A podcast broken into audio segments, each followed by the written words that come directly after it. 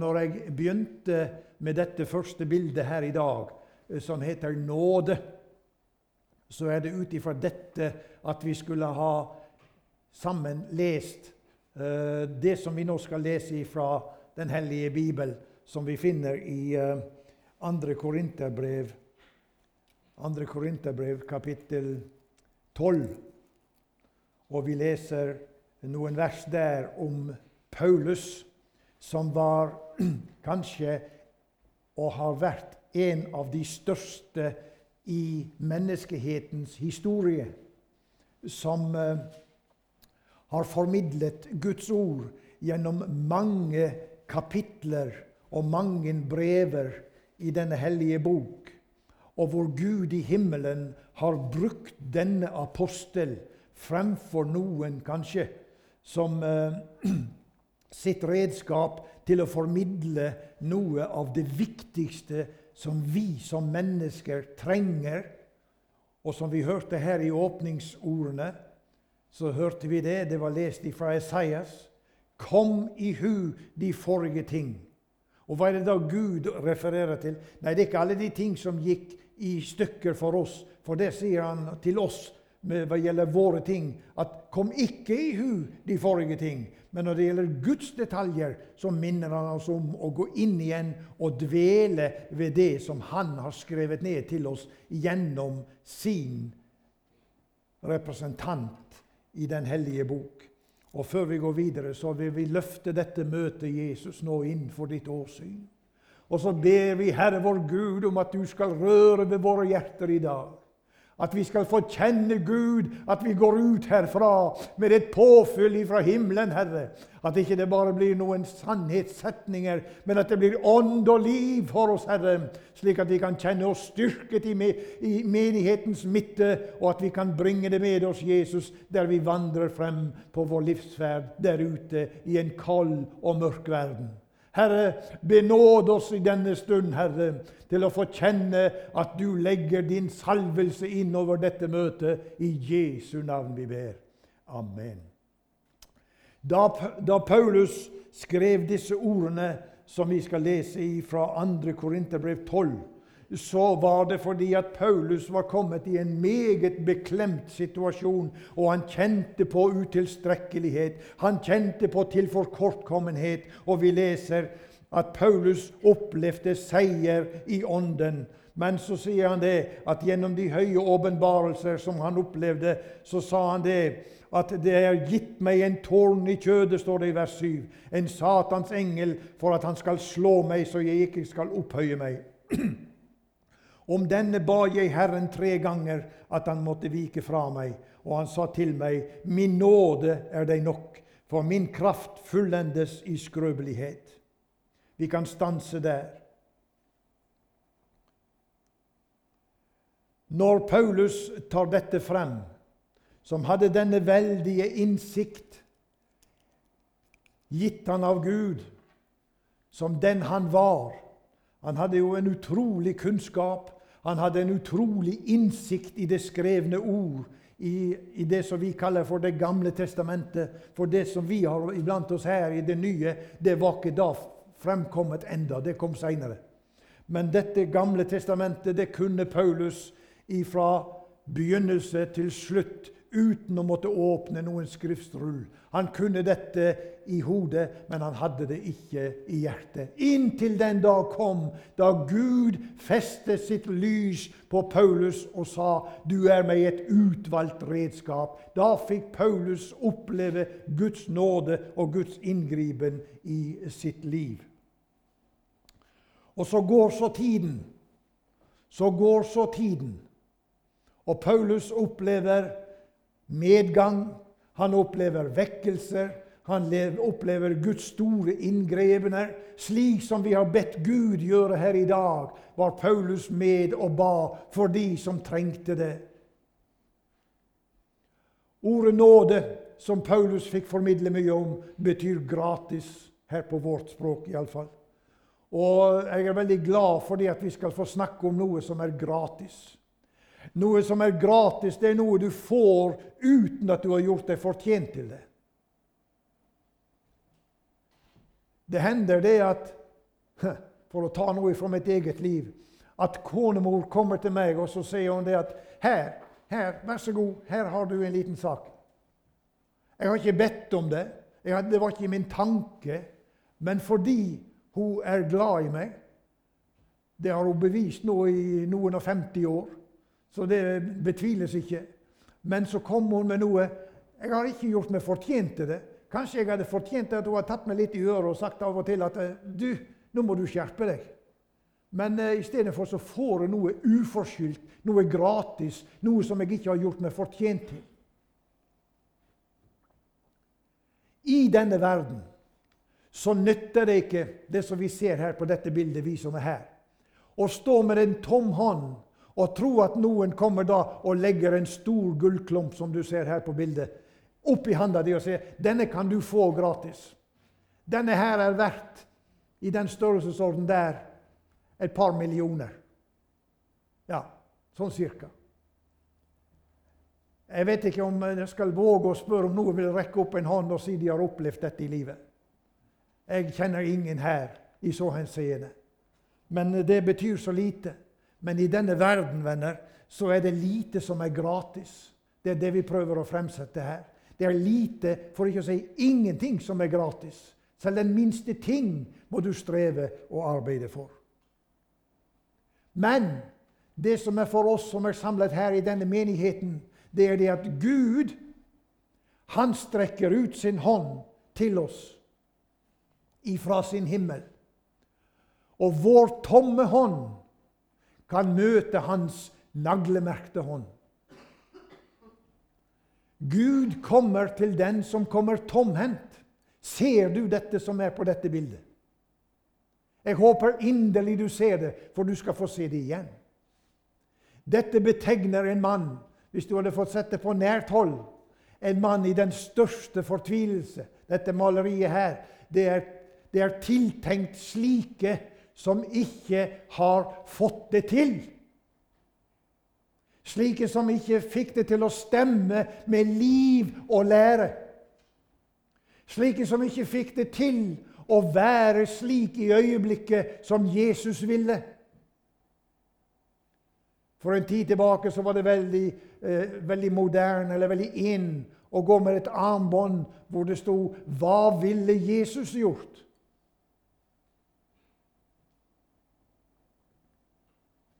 Spørsmålet er har du gjort dette? Vi synger i en gammel sang 'Hvor lenge er det?' Siden du var der og hadde behov for at Jesus la sine armer rundt deg og kneip deg inn til sitt bryst, og du ser denne mannen i den største fortvilelse. Spørsmålet er er du her nå, i dette møtet, du som lytter på? Er du her nå er du hos Jesus nå i din fortvilelse med de ting som Jesus har å gi? Er du rede til å ta imot av nåde gratis når han vil gi deg noe ved at du kryper inn til hans bryst? I din fortvilelse har du vært der. Er du her nå? Livet kan by på mange overraskelser, og jeg trenger ikke male det ut for noen her. Vi har alle vært der hvor vi har kjent på at vi er kommet til veis ende på vårt eget. Og det å få gå til Jesus når det trykker på som aller mest, ja, den kan fortelle om det som har opplevd nettopp det. Denne jul så fikk vi en gave. En av mange. Mange flotte gaver ble det. Og de var gratis, i alle fall de som jeg fikk. Jeg betalte ingenting for det. Men på den ene gaven så sto dette ordet her. Og det vel å merke sto det nok på engelsk, men jeg har prøvd å finne det som er nærmest her i vår norske bibel, og det er dette fra Isaias 9,6. Et barn er oss født, en sønn er oss gitt, og herredømmet er på hans skulder. Og han kalles under, rådgiver, veldig Gud, evig Fader og fredsfyrste.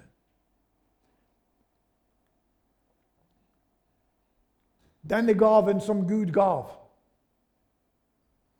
i og med Jesu fødsel, i og med at han kom til verden som et menneskebarn. Gud stanser ikke her i sin opptreden overfor oss. Han kom også med denne gaven. Så høyt elsket han verden at han gav sin sønn, den enbårne. Fordi at han som står her, og du som sitter her Jeg må lov å, fortelle dere en liten ting. For mange år siden så var jeg en del i Finnmark og hadde en del møter. Og Så var jeg sammen med en broder. Han var litt mer frimodig enn som meg. Og Da kan du jo tenke deg til hvordan han var. Men eh, det som var saken, det var det at han sa når du står der fremme sa han, foran forsamlingen, så må du feste blikket på folket. Du må møte blikket deres, den enkelte, sa han under talen. sa han. At de kjenner på at det er de du taler. Du står jo og ser opp i taket, sa han.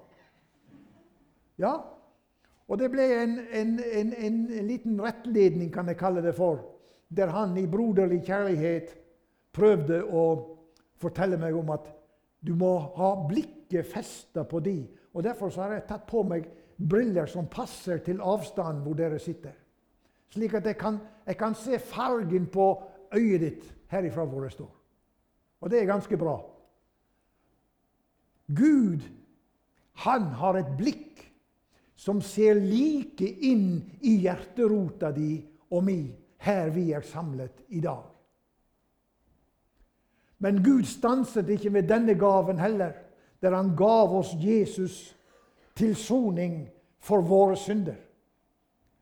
Han ga oss også denne gaven, den tomme grava. Og jeg glemmer aldri den ene gangen jeg var der, når jeg steg inn den trappa og ned i liksom det området der og så der Her lå min frelser. Her lå min frelser. Men her ser du på dette maleriet at her har han kastet av seg liksvøpet. Han hadde ikke lenger bruk for det. At der ute der var det en John, der var det en Per, der var det en Ola, og hva de måtte hete, alle menneskene som han oppstod for, men som velger akkurat denne måten å gjøre det på, å snu ryggen til Jesus. Snu ryggen til Han som gikk igjennom denne lidelse for at vi skulle ha en mulighet til å komme til Han med det som ligger i våre hjerter, i våre liv.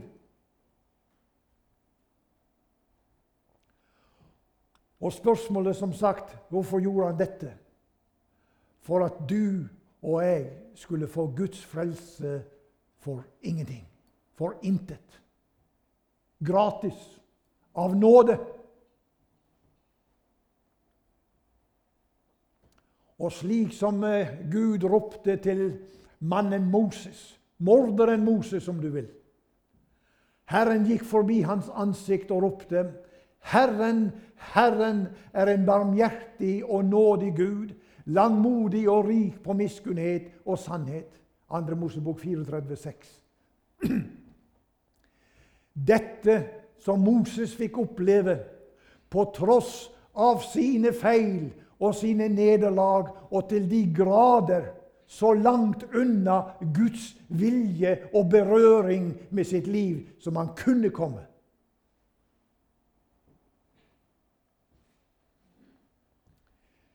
Den Gud som vi forkynner i denne menighet, forbarmet seg også over David, på tross av alle de mange fall og nederlag som var i hans liv.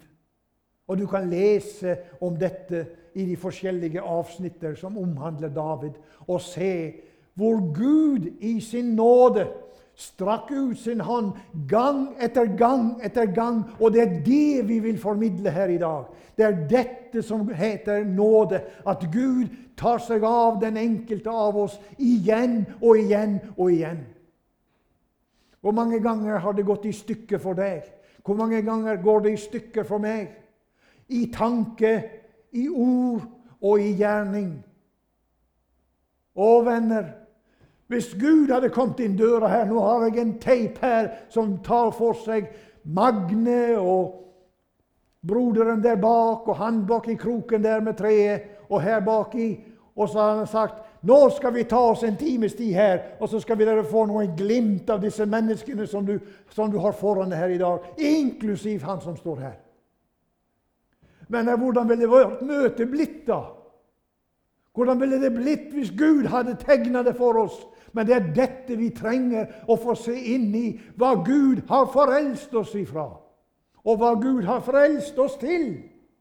Det er denne nåde som Gud kommer til oss med i denne dag, på de første dagene i det nye året, og forteller oss at 'min nåde er ny hver dag'. Halleluja. Og jeg skulle ønske dere tok vekk filteret som dere har foran munnen, og kunne være med og rope dette halleluja. For Guds frelse er større enn det vi kan legge fram med våre menneskelige ord. Det må åpenbares i ånden for den enkelte. Da Israel var stett i den største nød pga. vanskeligheter, pga. sin synd, pga. sin måte å håndtere Guds ord på, så ropte Jeremias dette. Herre, før oss atter til deg, så vi kan komme tilbake. Forny våre dager, så det blir som i fordums tid. For å eksemplifisere dette ordet så må jeg ta dere med inn i mitt tidligere virke som yrkesaktiv. Der ute hvor jeg var, på disse feltene som produserte gass, så var det slik at denne rørledningen den gikk nedover til kontinentet. Og som nå vi opplever den ene kulderekorden etter den andre her hos oss, så gjorde de det samme der nede i Europa. Og fordi at de åpnet på ventilene sine der, så falt trykket i rørledningen. Og hvordan skulle vi da kunne få tilført nok til det behovet som var der? Den enkelte åpnet sine ventiler inn til sitt land og til sine folk gjennom disse forgreiningene. Og så viste det seg at det ble ikke varmere og varmere jo mer de skrudde opp. Nei, fordi det minket så veldig. Og så hadde vi en rød telefon på disken. En rød telefon, og når den ringte, da var det ikke snakk om å si 'vent litt, så skal jeg ta den'. Da slapp du alt du hadde i hendene for å svare på den, det vi kalte for en hotline. Og så fikk vi beskjed om trykket faller. Dere må kompensere. Og da var jeg en av de som måtte ta i hendene det verktøy vi hadde.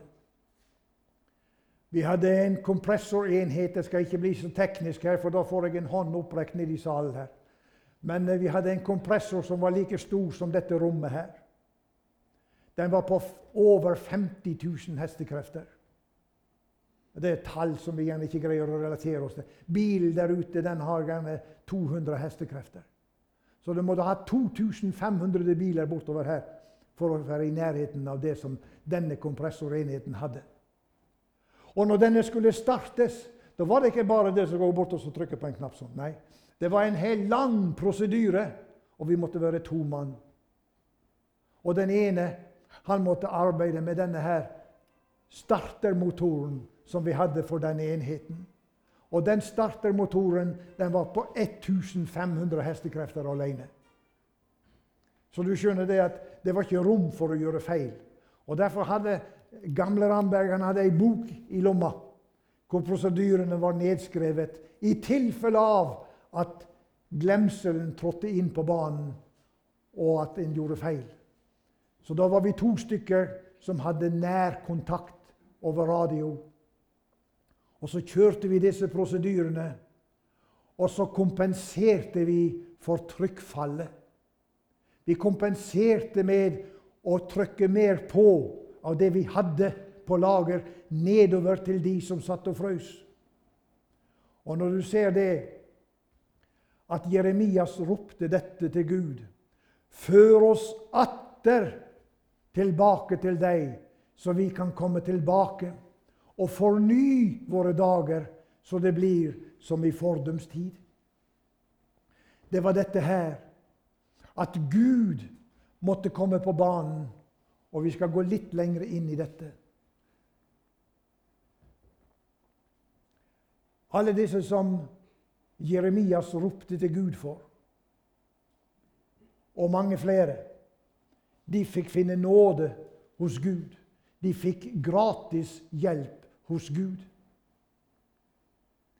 I klagesangene fire det beskriver Bibelen hvor dypt folket, Guds folk, var falt ifra Herren. Og når du leser klagesangen fire, så kan du ikke fatte og begripe med din beste vilje at det gikk an å komme så langt til sides ifra dette som var det viktigste av alt, nemlig å høre Guds stemme på den enkeltes øre i hverdagen. Og så er spørsmålet til oss som stiger oss frem. Forkynner vi hva Gud sier til menigheten i dag, eller forkynner vi det som er nødvendig for at vi skal få unngå røde tall på bunnlinja? Klagesangen nummer fem, kapittel fem, forteller om Jeremias' bønnerop til Herren.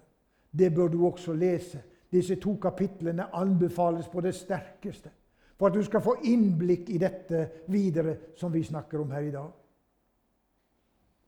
For Jeremias han ropte til Gud Israels motstandere er blitt dets herrer. Dets fiender er trygge, for Herren har lagt sorg på det for dets mange overtredelsers skyld. Dets småbarn har fienden ført i fangenskap. Fra Sions datter svant all hennes prakt. Hennes fyrster ble lik hjorter som ikke finner beite, og de gikk der uten kraft for forfølgerens åsyn. Kapittel 1 i klagesangene. Hva er det som skjer i himmelen der profeten bøyer seg og utøser sitt hjertets bønnerop? Hva er det som skjer når Gud hører hjertebønnen? Jo, vi leser om det bl.a. om da Israel ble utfriet fra slaveriet i Egypten. Da de fikk oppleve å gå gjennom havet, tørrskodd på bunnen. Da Gud førte de 40 år gjennom ørkenen. Da Gud var med i kampen om landet. Og vi kan lese om at da Josva og Caleb hadde vært med inne, og de kom tilbake inn og sa dette landet ligger for våre føtter. Nei, nei, nei, nei, nei, nei. nei. Det var responsen fra de medarbeiderne som kommer.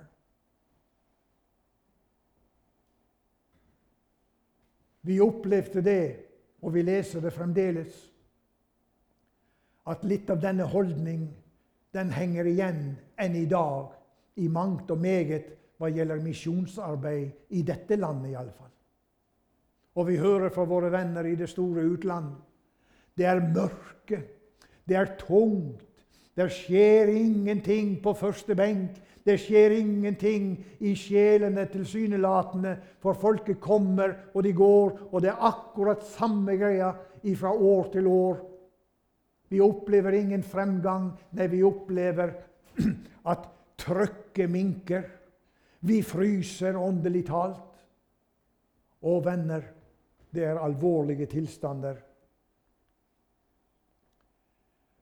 Det er det samme budskapet vi forkynner, som eh, vi hadde i fordums tid. Nettopp dette at Gud forløser fremdeles. Gud forløser fremdeles. Det er Guds utstrakte hånd gjennom korsets evangelium. Det er der det er der budskapet om nåden er å finne. Det er korsets budskap. Det er ikke budskap om at du må få regnskapet til å gå opp hva gjelder det jordiske. Det er ikke det at du må finne ut hva du, din situasjon skal være i livet, hva du skal bety for dine medvandrere. Nei, Korsets budskap er nåden ifra Gud. Og hvis du vil kjenne på at det bygger seg opp et trøkk i ditt indre, i ditt hjerteforhold til Gud, så må du komme dit hen. Da må du komme dit hen, som en av våre nærmeste uttalte det hva gjaldt vedkommendes favorittsang. Det har talt i meg siden jeg hørte det.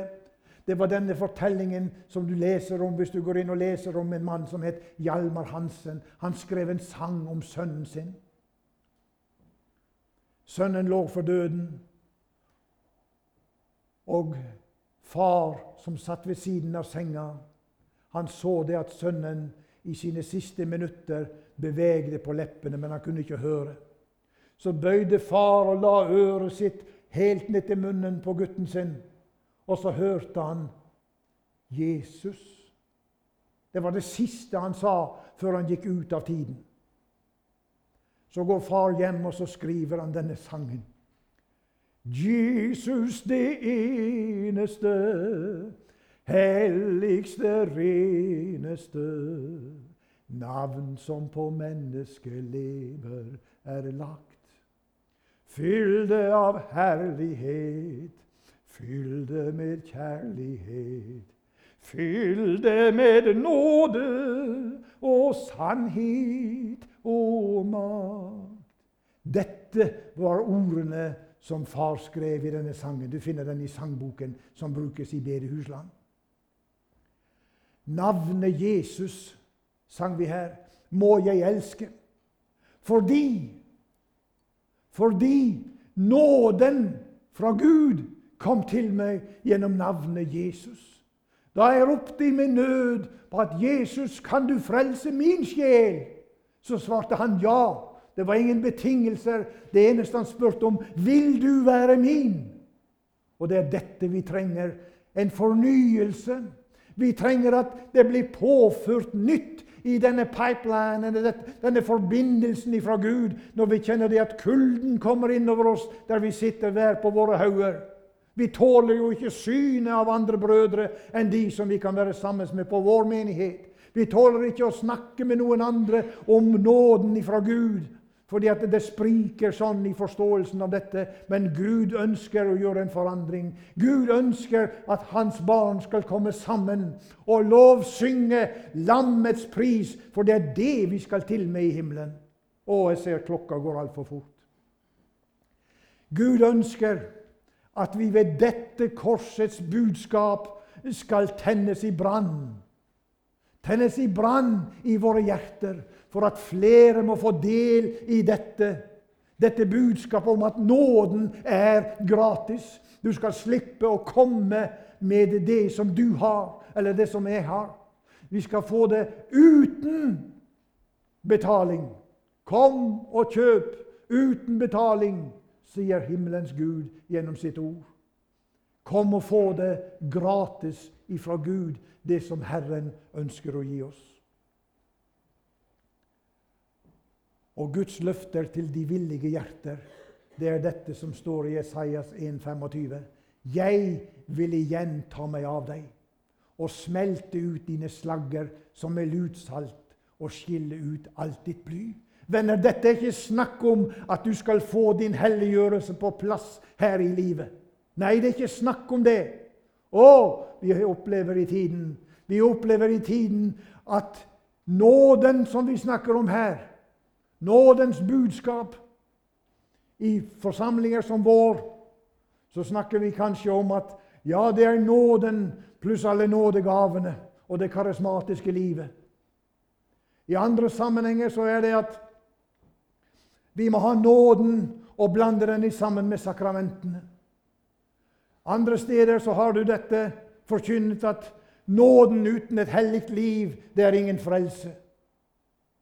Men hva sier Guds ord midt oppi dette? Og vi må, vi må få nåde og visdom til å skjære gjennom og si ingenting av det som jeg eller du kan komme med, vil rettferdiggjøre oss innenfor Gud. Det er bare ved lammets blod, det er ved Jesu rene blod alene. Halleluja! Det er bare dette som kan føre oss ifra jorderiks grus oppad mot de evige boliger. Bare Jesu blod, Jesu nåde, Guds nåde.